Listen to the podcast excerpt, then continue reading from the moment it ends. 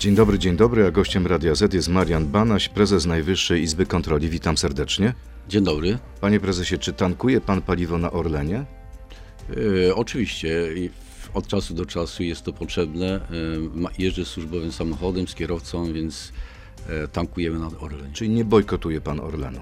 Nie bojkotujemy i myślę, że to jest normalna rzecz, żebyśmy korzystali z naszego paliwa. A czy Orlen nadal bojkotuje pańskich kontrolerów? Nie wpuszcza ich do siebie? No niestety taką, taką mamy sytuację, że e, nie możemy przeprowadzić kontroli w, e, w spółce Skarbu Państwa w Orlenie z uwagi na to, że z naszych informacji wynika, iż Rada Nadzorcza Orlenu podjęła decyzję, aby rzeczywiście nie wpuszczać naszych kontroli, naszych kontrolerów e, do przeprowadzenia tej kontroli.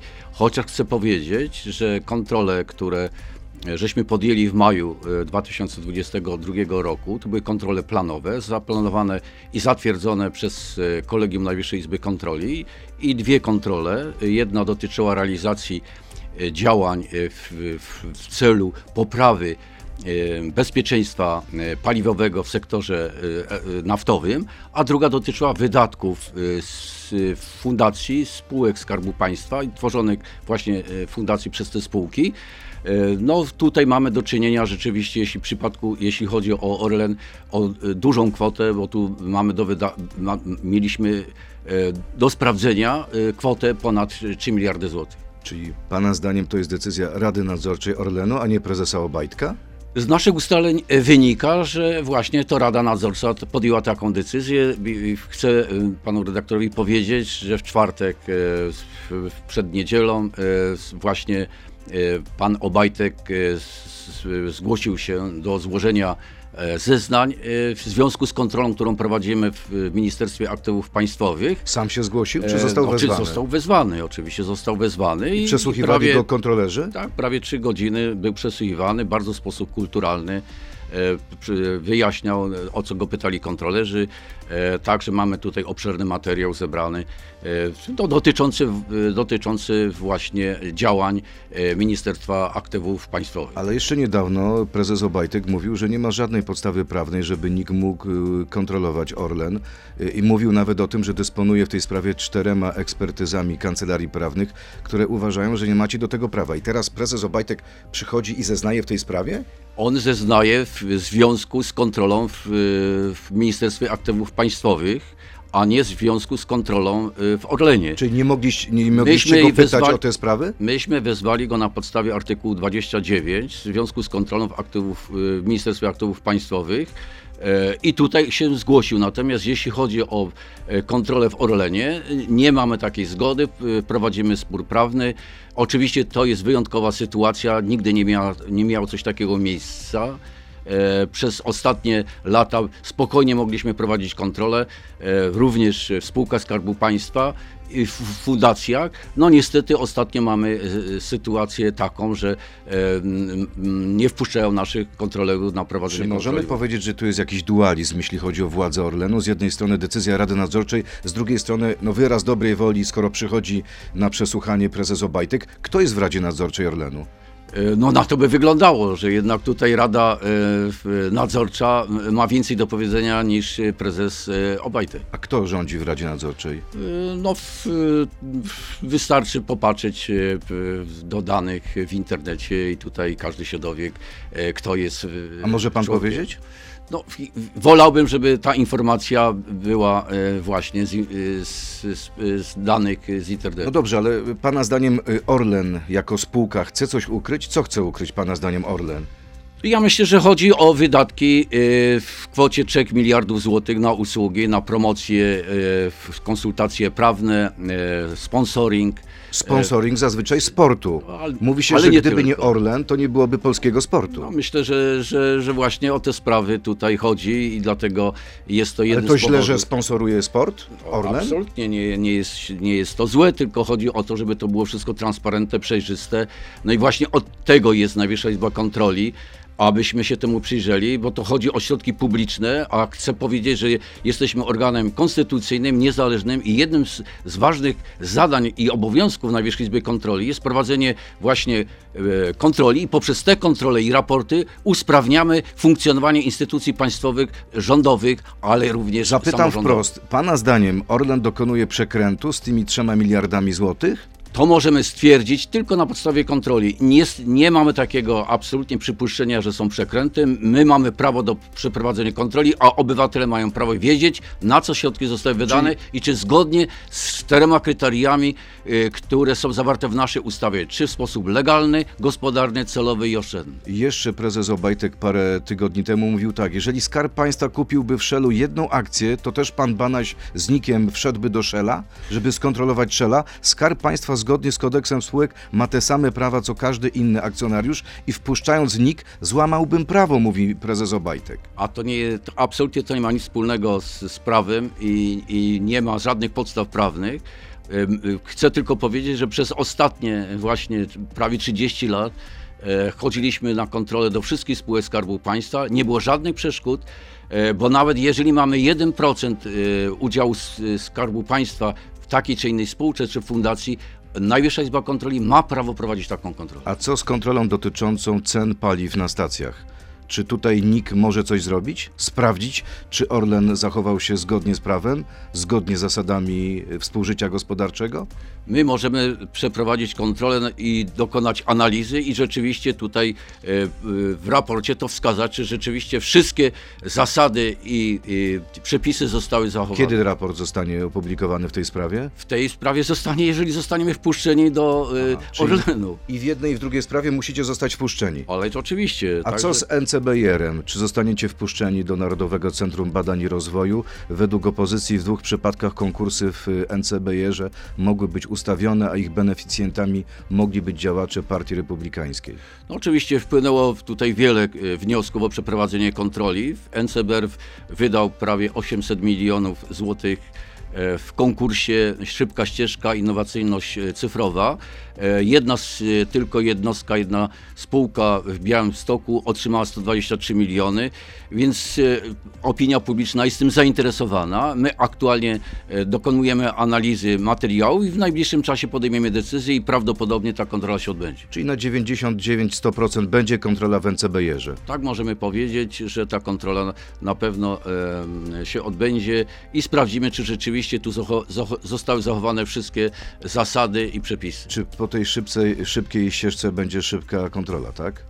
I jak długo ona może trwać? To wszystko zależy od materiału i, i, i w ogóle skali e, zjawiska, w sensie faktur, w, sensie materiału, który tam się znajduje. E, Jeszcze przed wizytą prezydenta Bidena spotkał się pan, panie prezesie, z ambasadorem Brzezińskim, informując go e, o zagrożeniach dla niezależności pańskich kontrolerów. E, Co powiedział ambasador?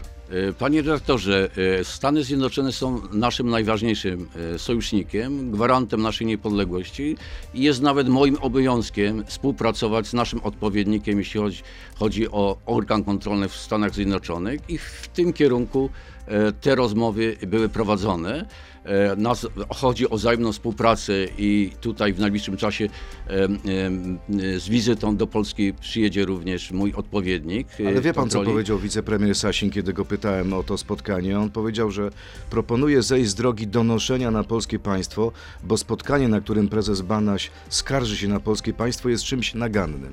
Panie redaktorze, to jest albo nieznajomość historii, albo świadome wprowadzenie opinii publicznej w błąd. Bo tak jak powiedziałem, mamy do czynienia z najważniejszym naszym e, sojusznikiem, gwarantem naszej niepodległości, więc nie możemy tu mówić o jakichś obcych e, partnerach, bo obcy partnerzy to byli przed zaborami, kiedy mieliśmy wrogów, a dziś mamy przyjaciela i z przyjacielem i, i gwarantem naszej niepodległości trzeba mieć jak najlepsze stosunki. A skarżył się pan rzeczywiście na polskie władze, na to, jak traktują Najwyższą Izbę Kontroli?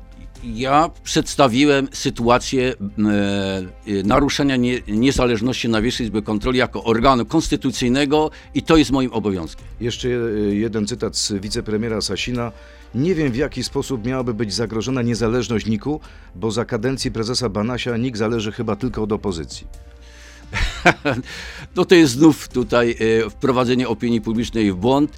E, Najwyższa Izba Kontroli jest organem konstytucyjnym, jak powiedziałem, niezależnym i właśnie ta niezależność powoduje, że wielu e, tutaj instytucjom, kierownikom nie podobają się nasze kontrole, no bo tutaj w sposób obiektywny i bardzo profesjonalny chcę powiedzieć, że zatrudniamy naprawdę na najbardziej, na najwyższym poziomie, jeśli chodzi o kompetencje naszych kontrolerów. To nie ja prowadzę kontrolę, to prowadzą kontrolerzy. E, Ja tylko nadzoruję i naszym obowiązkiem jest właśnie pokazywanie, jak naprawdę sytuacja wygląda w poszczególnych obszarach. Ja rozumiem, że prezesa Obajtka też nie pan przesłuchiwał, tylko kontrolerzy. Oczywiście, ja A nie był byłem przesłuchiwany, czy też odbierano zeznania jako, jako świadek występował? Występował jako świadek. Panie prezesie, pora na krótką piłkę. Proszę odpowiedzieć, jeśli pan będzie mógł, tak albo nie. Kompetencje NIK-u są zdecydowanie za małe, tak czy nie? Uważam, że e, tak, są za małe. Prawo i Sprawiedliwość próbowało mnie szantażować, tak czy nie? E, w- w- Nie można w ten sposób e, odpowiadać na pytanie. Czyli nie. Mam takie materiały na rządzących, że pospadają im buty, tak czy nie? E, Nie można w ten sposób odpowiadać. Tu chodzi o, o raporty. To jest e, tendencyjne e, zadawanie pytań. Chętnie pomogę opozycji, aby wsadzić do celi polityków PiSu, tak czy nie? Jestem organem niezależnym, nie współpracuję z żadnymi siłami politycznymi. Inaczej to byśmy byli sprzeniew- bym się sprzeniewierzył ślubowaniu, które złożyłem w Sejmie, że w sposób jak najbardziej staranny, obiektywny będę prowadził y, pracę w Najwyższej Izbie Kontroli. I ostatnie pytanie z krótkiej piłki. Żałuję, że kiedyś związałem się z PiSem, tak czy nie? E, Żałuję, że właśnie oddałem e, całego siebie i doprowadziłem do sytuacji, że e, poprzez reformę, którą przeprowadziłem, rządzący otrzymali ponad 300 miliardów złotych, gdzie można było właśnie między innymi finansować 500 plus. No a za to zostałem w ten sposób potraktowany, że moja rodzina, ja osobiście bardzo na tym musieliśmy cierpieć. Gdyby pan miał cofnąć czas, nie zrobiłby pan tego jeszcze raz? E, Jestem państwowcem i, i cokolwiek i dobrego można zrobić dla kraju, jestem otwarty i to robię. Gościem Radia Z jest Marian Banaś, prezes Najwyższej Izby Kontroli. Przechodzimy teraz do części in internetowej na Radio Z.pl, Facebooka, YouTube'a. Tam zapytam pana prezesa o relacje z Jarosławem Kaczyńskim i prezydentem Andrzejem Dudą. To jest gość Radia Z. Utrzymuje pan jakieś relacje z prezesem Kaczyńskim jeszcze? Nie utrzymuję poza służbowymi, jeżeli taka jest potrzeba. A z prezydentem Dudą? Z prezydentem Dudem jak najbardziej jest głową państwa, przekazujemy wszystkie raporty, a te najważniejsze staram się osobiście mu przekazać i składać relacje co do e, w- sytuacji e, państwa. A jeśli chodzi o sprawę pańskiego immunitetu, czy mamy dzisiaj takie zawieszenie broni w wojnie między prezesem Banasiem, czy między PiSem a prezesem Banasiem? Bo z tego co wiem, to y, dwa wnioski o uchylenie immunitetu wciąż są nierozstrzygnięte. E, Panie redaktorze, tu nie chodzi o żaden immunitet, tu chodzi o i chodziło o przejęcie kontroli na najwyższy, na, dla, e, e, naj, przejęcie kontroli na Najwyższą Izbą Kontroli przez rządzących. E, Ja oczywiście stanąłem e, na drodze, broniąc pełnej niezależności tej instytucji i będę to robił z całą konsekwencją do końca mojej kadencji. Natomiast jeśli chodzi o ten drugi przypadek, no to proszę Państwa, e, oczywiście e, wykroczenie miało miejsce, przekroczyłem prędkość e, dw- 12 km na godzinę, e, byłem gotowy zapłacić mandat w wysokości 100 zł, 100 zł i dwóch punktów. No niestety z uwagi na to, że mam immunitet, e, te- tej kary nie mogłem zapłacić. Czyli w tej sprawie chciałby pan uchylenia immunitetu, tak? Jak najbardziej, jeżeli taka potrzeba będzie, jestem tutaj gotowy. Uważam, że każdy z nas e, e, przy, po, po naruszeniu przepisów powinien za to odpowiadać. Ale jest jeszcze ten wniosek drugi, który opiera się ponoć na tym, na y, pracy CBA i na tym jest zarzut wobec pana, że pan poświadczył nieprawdę w oświadczeniach majątkowych. Ale absolutnie e, to nie ma nic wspólnego z prawdą. Są to zarzuty sfabrykowane, tak jak zresztą e, e, większość dowodów. I tak jak powiedziałem na początku, tu nie chodzi o żaden immunitet, tylko przejęcie kontroli. E, na, A skoro pan jest, panie, panie prezesie, skoro pan jest czysty i pan jest niewinny, no to może warto zrzec się tego immunitetu, niech y, sąd pana prześwietla. E, Panie redaktorze, e, gdybym miał tutaj absolutnie pewność co do pełnej niezależności prokuratury i organów ścigania, jak najbardziej. Ale to sąd będzie decydował, nie prokuratura. To sąd będzie decydował i zrobi to w momencie, kiedy się skończy moja kadencja. Czyli dopiero po zakończeniu kadencji jest pan gotów stanąć Jestem przed gotowy, sądem. jestem spokojny co do wyroku. Mieliśmy taką sytuację w przypadku ministra e, Szermietiewa, który również przez 12 prawie lat był oskarżany, a potem się okazało, że jest absolutnie niewinny. E, Złamano mu karierę, dwa razy miał e, atak e, serca. Proszę, pań, proszę Państwa, no tak być nie może w sytuacji, kiedy wiemy, że tutaj tendencyjnie prowadzone są, prowadzone są pewne działania i postępowania, no musimy bronić swojej godności i niezależności. Panie prezesie, CBA zatrzymało byłego ministra skarbu Platformy, pana Włodzimierza Karpińskiego. Jego adwokat mówi, że były minister jest niewinny. Sprawa ponoć wiąże się z tą aferą śmieciową e, w warszawskim ratuszu i tymczasowo aresztowanym wcześniej też byłym wiceministrem Rafałem Baniakiem. E, Czy NIK coś wie na ten temat, na temat tej sprawy? Nie, myśmy tego wątku nie badali. Oczywiście e, tutaj kontrola od, odnośnie odpadów miała miejsce. Ten raport e, jest właściwie już e, skończony. Można e, spokojnie go odczytać. Co z raportem Najwyższej Izby Kontroli w sprawie polskich szwalni? Właśnie dzisiaj będzie w tej sprawie konferencja krótka z udziałem dziennikarzy. E, Tutaj mieliśmy do czynienia e, z, też z dużymi wydatkami, ponad 313 milionów.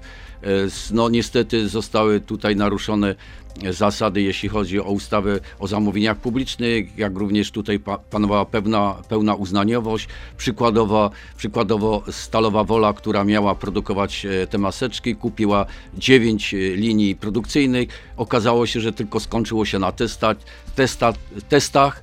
E, Żadna maseczka tam nie została zrobiona. Czyli E, ta linia, żadna z tych linii nie pracowała? nie pracowała, przeniesiono to wszystko do Radomia. No, mamy tu poważne straty finansowe. Kto jest za to odpowiedzialny? E, No, ci, którzy organizowali, e, organizowali e, tę e, e, całą produkcję e, To maseczek. była Agencja Rozwoju Przemysłu? E, To była Agencja Rozwoju Przemysłu, oczywiście powiązana e, z, z kancelarią premiera e, Rady Ministrów. Ale mówi pan, e, czy w tych wnioskach pokontrolnych są konkretne wymienione nazwiska osób odpowiedzialnych za to? E, Dzisiaj się ukaże raport, wszystko będzie e, znane.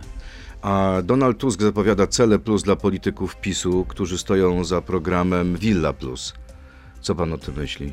E, No, wpłynęły również do nas wnioski w tej sprawie, analizujemy materiał i podejmiemy decyzję co do tej kontroli. Czyli może być tak, że NIK wejdzie też do resortu edukacji, do resortu nauki?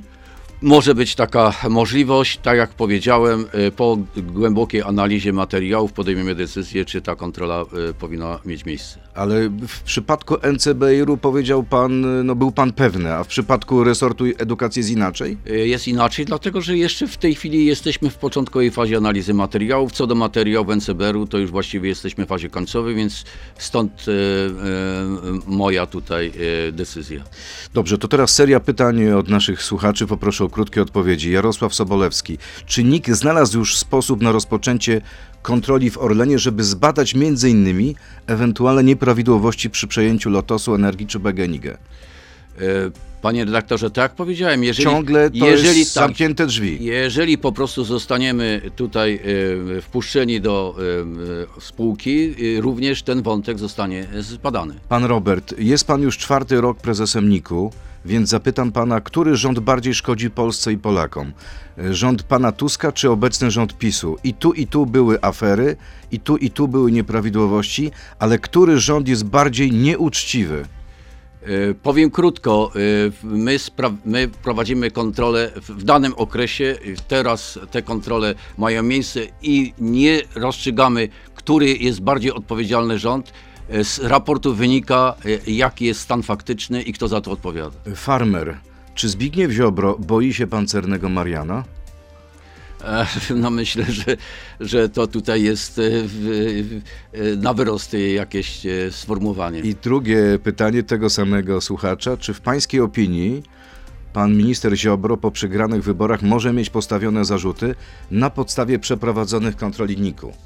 E, m, Panie redaktorze, myśmy prowadzili kontrolę e, dotyczącą Funduszu Sprawiedliwości. Tam zostały e, sformułowane określone wnioski, e, zostały również e, skierowane zawiadomienia do prokuratury. E, Niestety zostały e, one umorzone. E, Składaliśmy również e, do, do, do sądu zażalenia. No i pewne sprawy są jeszcze w toku. I tutaj pytanie Gandalfa Szarego. Nie wiem, kto kryje się pod tym nikiem, ale pytania dotyczą pana. Co tam się teraz znajduje w tej sławetnej kamienicy w Krakowie? Sprawa została y, bardzo w sposób przejrzysty przeze mnie wyjaśniona. Nie było e, żadnych niejasności. Y, Dawno już komu- y, kamienicę sprzedałem, tym się nie zajmuję, jest to poza mną. Ile, to samo pytanie, znaczy tego samego słuchacza, ilu ma pan jeszcze kombata, kombatantów z AK poza granicami Polski, którzy czekają, aby przekazać panu milionowe podarunki?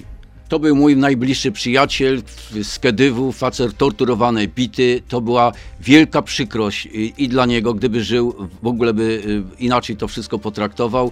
E, no, nie, nie jest, to jest nie do pomyślenia, żeby człowieka tak zasłużonego dla kraju w ten sposób traktować i robić z niego kryminalistę. A może pan powiedzieć o szczegółach, czyli kto, kto komu podarował co? No ja y, y, zostałem usynowiony y, i po prostu traktował mnie jak syna, ja jego jak ojca. I przekazał. y, Przekazał mi swój majątek włącznie z oszczędnościami. E, Nie miał, e, był bezdzietny, był wdowcem, samotny. E, Przyjaźniliśmy się przeszło 30 lat. E, No i tak jak powiedziałem, zapraszałem go zawsze do domu na wszystkie ważne uroczystości, święta. No i bywałem praktycznie codziennie u niego, jak już pracowałem w Krakowie. I nie ma tutaj żadnego przekrętu. To, to jest po prostu wszystko e, propaganda i próba zdyskredytowania mojej osoby. To jeszcze jedno pytanie a propos, kiedy ponowna wizyta pańskiego syna na Białorusi w związku ze zbliżającymi się wyborami w Polsce? Panie redaktorze, mój syn y, jest społecznym doradcą. Chodziło o bardzo poważną sprawę, bo gospodarkę leśną w Puszczy Białowieskiej. E, Tam tracimy miliardy złotych, nie korzystając w ogóle z drewna, buku, dębu. E, Miejscowi ludzie e, palą węglem zamiast właśnie drewnem. Okrajna to, Białoruś to w sposób znakomity wykorzystuje. To, była, to miała być współpraca, wymiany pewnych poglądów między delegaturą białostocką a odpowiednikiem na Białorusi i w tym celu ta wizyta się odbyła. Zgodnie z prawem żadnych przeszkód nie było w tej sprawie. Wszystkie instytucje państwowe współpracowały z Białorusią. Nagle, jeśli chodzi o moją osobę, to mnie potraktowano jako człowieka, który e, no, chyba zdradę stanu dokonał. A nie dokonał pan. No, no, gdybym dokonał, to bym dzisiaj po prostu już A pana za to odpowiadał. Ten kontekst polityczny, no bo wszyscy wiemy, co robi dzisiaj Łukaszenka i Białoruś. Gdybyście mieli podjąć jeszcze raz tą decyzję, to pojechali, pojechałby syn? Panie redaktorze, wszystkie instytucje państwowe y, y, prowadziły współpracę. Myśmy tego, to, też do tego byli zobowiązani, bo tu chodziło o troskę naszego budżetu. I ja się tylko i wyłącznie tym kieruję, interesem naszego państwa. Pani Maria, czy wyjaśniła się sprawa podsłuchów Pegasusa w Niku? Czy NIK może zrobić, co NIK może zrobić, żeby pomóc wyjaśnić sprawy korzystania z Pegasusa przeciwko opozycji? Y, Sprawa jest w toku, prokuratura prowadzi postępowanie, my jesteśmy stroną pokrzywdzoną. E, Jeżeli zostanie zakończona, w- wszystko się w, tej sprawie dowiemy. I jeszcze jedno pytanie Pani Marii. Jakie uprawnienia ma Pana syn Jakub w Najwyższej Izbie Kontroli? Nie ma żadnych uprawnień, jest społecznym doradcą i tylko co najwyżej może doradzać. Korzystamy z tego bardzo rzadko. Kolejne pytanie. Prokuratura umarza większość zawiadomień NIK-u. Po co nam instytucja kontroli, skoro nie może pociągać do odpowiedzialności tych, którzy naruszyli prawo? Jaki sens ma NIK, jeśli nie posiada uprawnień prokuratorskich? To bardzo niedobrze, że nie, że nie posiada uprawnień prokuratorskich i będziemy robić wszystko, aby takie uprawnienia posiadał. Natomiast rola NIK-u jest nieoceniona, dlatego że pokazuje całej opinii publicznej, jaki jest stan państwa. I tak jak powiedziałem na samym początku, poprzez nasze raporty usprawniamy funkcjonowanie instytucji państwowych i samorządowych. I kontrolerzy, y, jednostki kontrolne powinni się cieszyć, że w ogóle takie kontrole prowadzimy, bo przecież w ten sposób tak powiedziałem, oszczędzamy pieniądze i usprawniamy funkcjonowanie państwa. Pan Wojciech, jak to możliwe, że jako prezes NIK-u jest pan jednym z najbardziej surowych recenzentów rządów PiSu? Ale do roku 2019 sam pan był członkiem tego rządu, to wtedy pan nie dostrzegał żadnych nieprawidłowości tego rządu. To jest jakieś nieporozumienie. Ja, będąc w rządzie jako jedyny człowiek bezpartyjny, e, w, dokonałem najważniejszej reformy konsolidacji służb skarbowych i celnych, która to po trzech latach dała do budżetu ponad 300 miliardów złotych. Była możliwość finansowania wszystkich programów socjalnych, w tym 500, e, więc tym się zajmowałem. Natomiast dzisiaj absolutnie nie interesuje mnie żadne układy polityczne, interesuje mnie tylko pokazywanie sytuacji i stanu faktycznego, jaki jest. I robią, robią to nasi kontrolerzy, nie ja, którzy są wysokiej klasy specjalistami i ekspertami. A co pan e, by odpowiedział tym politykom PiSu, którzy mówią, że jest pan sojusznikiem opozycji, że pan współpracuje z opozycją? Pan się spotyka z politykami opozycji? Z nikim się nie spotykam, wykonuję swoje konstytucyjne ustawowe obowiązki. E, polityka jest poza, poza mo, moim zainteresowaniem. E, Mały Mike, czy w związku z katastrofą ekologiczną na Odrze NIK podjął się jakiejkolwiek kontroli? Czy znamy e, wyniki tej interwencji? Tak, kontrola jest w toku. Jeżeli raport zostanie opracowany, opublikujemy go i udostępnimy opinii publicznej. Co z kontrolą dotyczącą samochodów Izera? No, tutaj mamy kolejny przykład pewnej niegospodarności. Wydano 250 milionów złotych. E, Nadal e, projekt jest w fazie planowania. E, e, Miało być milion e, samochodów elektrycznych. Na dzień dzisiejszy praktycznie nie ma żadnego. Są tylko dalej projekty. No ale spółka dostała kolejne 250 milionów, czyli praktycznie pół miliarda mamy już do dyspozycji, a w, w, tutaj w przyszłości nie widać co do produkcji Może powinno tak być na początku. Zawsze taka spółka, która projektuje, przynosi straty. Panie redaktorze, no ale to już trwa kilka lat. I pana zdaniem ktoś tutaj zawinił? Ktoś popełnił przestępstwo? Ja myślę, że, że po prostu tutaj to dzieje się w sposób nieprzemyślany, mało rzetelny i opieszały. A kto jest za to odpowiedzialny? E, No tutaj e, pieniądze na to e, idą ze środków budżetowych. E, A, a propos budżetu, co z tymi wydatkami, które są poza budżetem w tej chwili? Czy e, z roku na rok ich jest więcej? No niestety mamy bardzo niebezpieczną tendencję e, wyprowadzania środków z budżetu poza budżet. Na koniec 2021 roku było to 262 miliardy, teraz prawdopodobnie to już będzie ponad 400 miliardy i co gorsza, środki, które właśnie przede wszystkim nie są żadną gotówką, ale są obligacjami, czyli pożyczkami. E, Z nich finansowane są właśnie 13, 14, dodatki węglowe, e, no również fundusz, e, państwowy fundusz strategiczny, inwestycji strategicznych czy inwestycji lokalnych. A dlaczego to są olbrzymie zdaniem- wydatki. dlaczego tak się dzieje? Nie stosujemy ustawy o zamówieniach publicznych, jest pełna uznaniowość. Dlaczego tak się dzieje? Dlaczego te wydatki są właśnie poza budżetem? Z No, jakiego powodu? No myślę, że to jest decyzja tutaj rządzących. e, e, Parlament też tego e, nie kontroluje, ponieważ przejrzystość wymaga, aby wszystkie środki, które są wydawane przez rządzących były, były zawarte w normalnym budżecie na podstawie artykułu 219 Konstytucji, że gospodarkę finansową prowadzimy na podstawie ustawy budżetowej. Ale rządzący, kiedy o to ich pytałem, mówią, że to jest normalna praktyka wielu krajów zachodnich. Na przykład w Niemczech jest podobnie. Nie na taką skalę, e, jak to się dzieje niestety u nas e, i po prostu zadłużamy się coraz bardziej i, i niestety e, nasi wnukowie będą musieć się te pożyczki spłacać. A to politycy PiSu pokazują wtedy tak naprawdę te słupki i mówią, że stan zadłużenia spada. Długu publicznego w Polsce. W- stosunku na przykład do 2015 roku. y, Pokaże to również nasz raport y, z kontroli budżetowej i niestety to tak nie wygląda. E, To zadłużenie niestety wcale wzrasta. Janusz Górski, czy NIK skontroluje działania, właściwie bierność organów administracji rządowej URE, UOKiK, przyzwalających na monopolizację rynku energii i zawyżanie cen? Bez milczącej zgody, pisze pan Janusz, zgody na ten proceder nie, był, nie, był, nie byłby ten proceder możliwy. Y, Prowadzimy kontrolę na podstawie y, właśnie wniosków posłów, obywateli.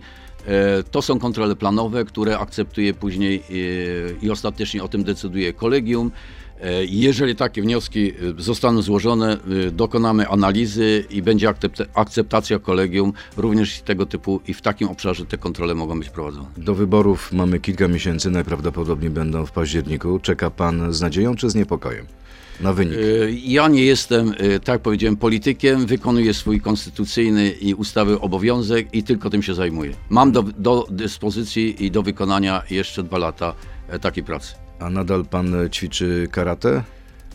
Staram się dla zdrowia, ni, niestety nie w, w takiej to e, formie, e, jak to miało miejsce, kiedy miałem lat 20-30, ale myślę, że dla zdrowia jest to potrzebne, nawet jak się jest człowiek starszy. Y, Czarny pas pomaga panu w pewności siebie? Niewątpliwie uczy dyscypliny, e, szacunku, e, no i kształtuje charakter. Czyli nie ma siły na pancernego Mariana? E, To nie moje słowa. e, Ja się takimi e, tutaj pochwałami nie e, zajmuję, natomiast staram się normalnie funkcjonować. Bardzo dziękuję. Marian Banaś, prezes Najwyższej Izby Kontroli, był gościem Radia Z. Miłego dnia. Dziękuję bardzo. To był gość Radia Z. Słuchaj codziennie w Radio Z i na player radioz.pl.